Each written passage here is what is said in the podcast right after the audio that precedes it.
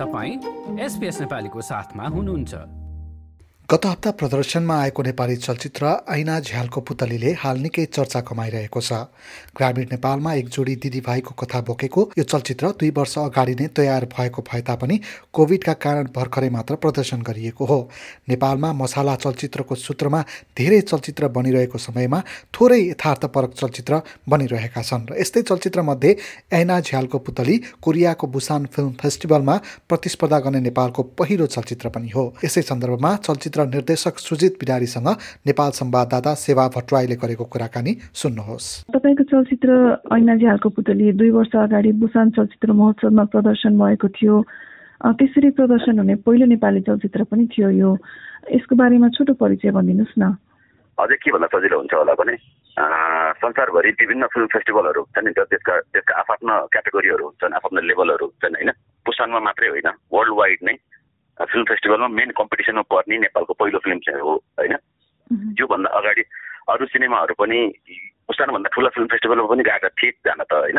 तर उनीहरू main competition सेक्सनमा थिएनन् होइन? अनि चलचित्र ऐनाजीहरूको पुतलीको बारेमा थोरै बताइदिनुहोस् न। सिसाको पारले छेकिएको जुन एउटा पुतली हुन्छ नि उसलाई अगाडि जानु छ बाहिरको फ्रिडम रङ्गी चङ्गी दुनियाँ ओपन स्पेस सबै देखिरहेको हुन्छ। त्यो पुतलीलाई बाहिर जानुहुन्छ तर त्यो चिताको ट्र्यापमा अल्झिरहेको हामीले देख्छौँ कति हाम्रो घरतिर पनि झालहरूमा हुन्छ नि त्यो रिप्रेजेन्ट गर्नलाई चाहिँ हामीले होइन झ्यालको पुतली भनेर चाहिँ नाम गरेको। यो फिल्मले चाहिँ के भन्छ भने हामी जति पनि छौँ नि जति पनि मान्छे बाँचिरहेका छौँ कुनै न कुनै एउटा सपना बोकेर बाँचिरहेका छौँ होइन? कसैको सपना ठुला होला कसैको सपना सानो होला तर सपना त सपना छ नि त हाम्रो सबैको।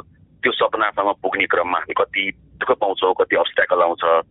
त्यो निरन्तर सङ्घर्षको कुरा चाहिँ हामीले होइन छालको पुतलीको मेन स्टोरी हो।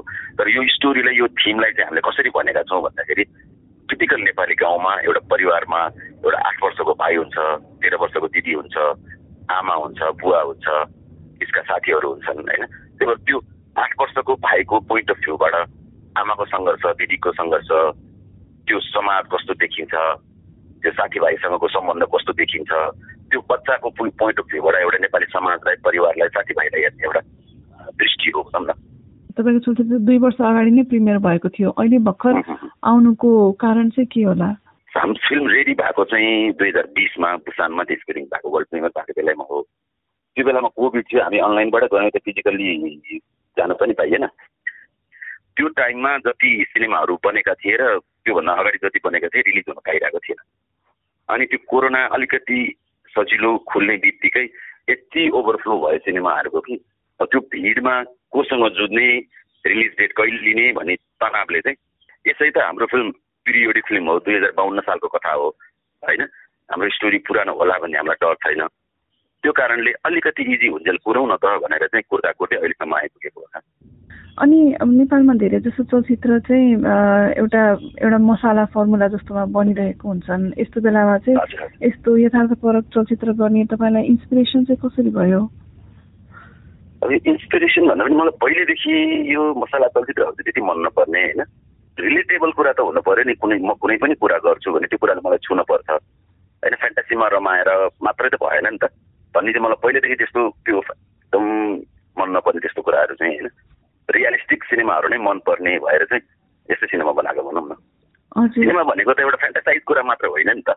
होइन एकदम डाँडा काँडामा गएर नाच्न पर्ने तिनीहरू फाइट पर्नुपर्ने मात्र कुराहरू नि त सिनेमा भनेको त एउटा लाइफको रिप्रेजेन्टेसन हो नि त नट ओन्ली सिनेमा जुनसुकै art of form of art भए पनि हुन्छ नि त्यसले त ह्युमन लाइफलाई रिप्रेजेन्ट गर्ने हो ह्युमन सेन्टिमेन्टलाई चलाउने हो मान्छेको संवेदना केलाउने हो त त्यो भइसकेपछि किन लार्जर दिन लाइफमा धेरै गइरहनु जति मान्छेको लाइफलाई नजिकबाट सकिन्छ त्यति इफेक्टिभ स्टोरी टेलिङ हुन्छ भन्ने चाहिँ मेरो विश्वास हो।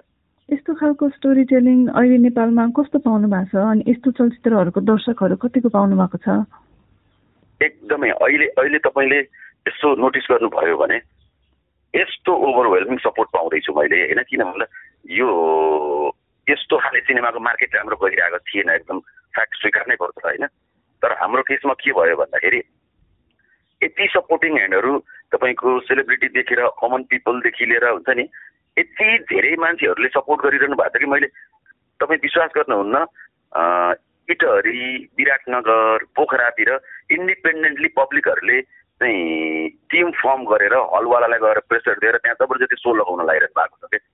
भले हामीले धेरै सो पाएको छैनौँ धेरै सो नपाउनुको कारण के थियो भन्दाखेरि योभन्दा अगाडि चाहिँ पास्टमा यस्तो सिनेमाहरू कतिको चलिरहेको थिए त्यो बेसिसमा हलवालाले हामीलाई सो दिन्छ नि त। आजदेखि सो सो पनि थपिँदैछ कि? हजुर अब यो त नेपाली सिनेमाको लागि अब एकदम सकारात्मक कुरा हो होइन? अनि सामान्यतया चाहिँ नेपालमा चाहिँ सिनेमाको बजार र यथार्थपूर्वक सिनेमाको बजार बजार मात्रै होइन एउटा अवस्था कस्तो सिनेमा बनिरहेका छन् जस्तो लाग्छ? खासमा यो अलि दुःखदायी नै अवस्था छ होइन? हामीले यस्तो समग्रमा सोच्दाखेरि सिनेमालाई समाजमा जसरी बुझाइएको सिनेमा भनेको यो हो भनेर जसरी बुझाइएको छ नि त्यो बुझाउने काम सिनेमा मेकरकै हो क्या खास अडियन्सलाई एकदम मसला फिल्म धुमधडाका फिल्म मन पर्यो भनेर हामीले दोष दिने कुरै छैन किन भन्दा त्यो बुझाएको त हामी मेकरले हो नि त। तर हामीले हामीले बुझ्न सक्छौँ कि आजभन्दा दस वर्ष अगाडि लुट आउँदाखेरि अँ सिनेमा यस्तो पनि हुन्छ अरे भनेर एउटा एउटा ट्रेन्डै सेट गर्यो नि त। त्यस्तो टाइममा चाहिँ यस्तो सिनेमाहरू आउँदाखेरि सिनेमाको भेराइटी हुन्छ नि होराइजन अलिक वाइडर अडियन्सले पनि देख्न सक्छ बुझ्न सक्छ। यो बनाउने जिम्मा चाहिँ हाम्रै हो होइन? त्यो कारणले यस्तो सिनेमाले अब अब नेपाली दर्शकको टेस्ट चाहिँ हाम्रै समाजको कथा यतिको मजाले भन्न सकिँदो रहेछ भनेर चाहिँ अहिले अहिले पनि मैले धेरै प्रतिक्रियाहरू पाइरहेको छु कि होइन? सिनेमा भनेको एकदम फर्मुला सिनेमा हेर्ने भन्ने बिलिफ छ तर त्यो तोड्न जरुरी छ र बिस्तारै तोडिँदैछ। त्यो भनेको फर्मुला सिनेमा सिनेमै होइन भन्न खोजेको होइन तर फर्मुला सिनेमा मात्रै सिनेमा होइन नि त। हजुर अनि अब तपाईँको सिनेमामा फर्किनु तपाईँको यो चलचित्र बनाउने प्रक्रियाको बारेमा थोरै भनिदिनुहोस् न त्यसमा अब कस्तो खालको तपाईँलाई के कुराले चाहिँ प्रेरित गरिरहेको थियो अनि कस्तो खालका चुनौतीहरू थिए? कथा राइटिङको स्टोरी राइटिङको कुराहरूको भयो एउटा भयो होइन मेकिङको कुराहरूको भयो। स्टोरी राइटिङको कुरा चाहिँ मलाई चाहिँ कस्तो लाग्छ भने म स्टोरी राइटिङलाई कहिले पनि प्रायोरिटीमा राख्दिनँ। मलाई चाहिँ सबभन्दा पहिला स्टोरी लेख्नलाई केही कुराले मोटिभेट गर्नुपर्छ केही कुराले क्लिक क्लिक गर्नुपर्छ ट्रिगर गर्नुपर्छ। ट्रिगर गरिसकेपछि यो कुरालाई कस्तो खाले स्टोरीमा भन्ने भने चाहिँ स्टोरी चाहिँ सेकेन्डरी कुरामा आउँछ कि कहिले पनि। मलाई हाम्रै सोसाइटीमा होइन जसरी अहिले मान्छे मान्छे बिचको आत्मीयता कम भइरहेको छ होइन फ्यामिलीमा एकअर्का बिचको त्यो कनेक्सनै छैन हुन्छ नि घरभित्र छिर्यो मोबाइल इन्टरनेट टिभी घरभित्र मान्छे बोल्ने समय नै कम छ नि त। त्यो आत्मीयता लुज हुँदै गइरहेको अवस्था। जुन टाइममा हामी हुर्क्यौँ एउटा गाउँमा त्यो गाउँको एउटा छुट्टै क्यारेक्टर थियो नि त। धारा पँधेरा स्कुल हिँड्दै स्कुल जाने त्यो नोस्टाल्जियाका कुराहरू होइन? त्यो एकदमै मलाई त्यो मिस भएको खड्किरहने अवस्था कि? त्यो भएर चाहिँ यही कुरालाई रिप्रेजेन्ट गर्नु म स्टोरी लेख्छु भनेर चाहिँ मैले यो स्टोरी लेखेको हो होइन? अनि बनाउँदै जाने क्रममा चाहिँ हामी सबैजना नयाँ थियौँ। अनि त्यो सबैजना नयाँ भएको कारणले एउटा क्रिएटिभ इफोर्ट चाहिँ राम्रो निस्कियो। तर नयाँ भएको कारणले म्यानेजरियल कुरामा चाहिँ अलिकति प्रब्लम भएको थियो होइन? हजुर अनि अब यसबाट तपाईँले के सिक्नुभयो जस्तो लाग्छ? अथवा आगामी चलचित्रको चाहिँ कस्तो खालको योजना बनाउँदै हुनुहुन्छ? त्यो मसँग दुई चारवटा कन्टेन्टहरू चाहिँ छन् होइन? तर अहिले चाहिँ ठ्याक्कै नै सोचेको छैन यो कम्प्लिट गरौँ त्यसपछि गरौँला भन्ने कुरा हो। यसबाट मेरो एकदम मेजर लर्निङ चाहिँ के भयो भन्दाखेरि सिनेमा मेकिङ भनेको not all about creative thinking के हुन्छ नि? हामीले चाहिँ अहिले स्टार्टिङमा के गर्यो भने सब क्रिएटिभ मान्छेहरू भयो भने दामी फिल्म बनाउन सकिन्छ भन्ने एउटा बुझाइरह्यो तर क्रिएटिभिटी जत्तिकै इम्पोर्टेन्ट चाहिँ म्यानेजरियल एस्पेक्ट पनि हुँदो रहेछ कि होइन? यदि म्यानेजमेन्ट टिममा राम्रो हुने हो भने फिफ्टी होइन सिक्सटी सेभेन्टी पर्सेन्ट नै तनाव कम हुँदो रहेछ कि? नयाँ आउने मेकरहरूले यो कुराको एकदम बुझ्नु जरुरी छ जस्तो लाग्छ मलाई चाहिँ। अनि अब फेरि बुसान चलचित्र महोत्सवको कुरा गर्नु पर्दाखेरि अब नेपाली चलचित्र चाहिँ त्यस्तो खालको महोत्सवमा प्रतिस्पर्धा गर्नुले चाहिँ नेपाली चलचित्र उद्योगमा चाहिँ के अर्थ राख्छ जस्तो लाग्छ? यस्तो हुन्छ फेस्टिभलमा जानुले चाहिँ के गर्छ भन्दाखेरि पहिलो त एउटा मेकरलाई आइडेन्टिटी दिन्छ होइन? उसलाई फर्दर प्रोजेक्टको लागि सबै कुराको लागि इन्टरनेसनल मार्केटमा एक्सपोजर दिन्छ। त्योसँगै त्यो प्लेटफर्ममा नेपाली एउटा फिल्म गइसकेपछि चाहिँ भोलि टोटल नेपाली फिल्म इन्डस्ट्री जाने के हुन्छ भन्दाखेरि जो नयाँ मेकरहरू आइरहेको हुन्छ उनलाई चाहिँ नेपालमा पनि फिल्म बन्छ है भन्ने एउटा आइडेन्टिटी त्यहाँ क्रिएट भइसकेपछि फर्दर प्रोजेक्टको लागि उसलाई त्यो फेस्टिभलमा लभिङ गर्नको लागि एउटा देशै रिप्रेजेन्ट भइसकेको हो नि त। यहाँ पनि राम्रो फिल्म बन्द रहेछ है भनेर चाहिँ त्यहाँ रिकगनाइज भइसकेको कुरा हो नि त। त्यसले चाहिँ एकदमै सपोर्ट गर्छ नयाँ आउने मेकरहरूलाई पनि। त्यहाँको फन्डिङको कुराहरूदेखि लिएर स्टेट ल्याबको कुराहरूदेखि लिएर त्यहाँ सेल्स एजेन्टहरूसँग भेट्नेदेखि कुरा लिएर नेटवर्किङको कुराहरूदेखि लिएर होइन? धेरै कुरामा चाहिँ हेल्प गर्छ। लाइक सेयर र कमेन्ट गर्नुहोस्। एसपिएस नेपालीलाई फेसबुकमा साथ दिनुहोस्।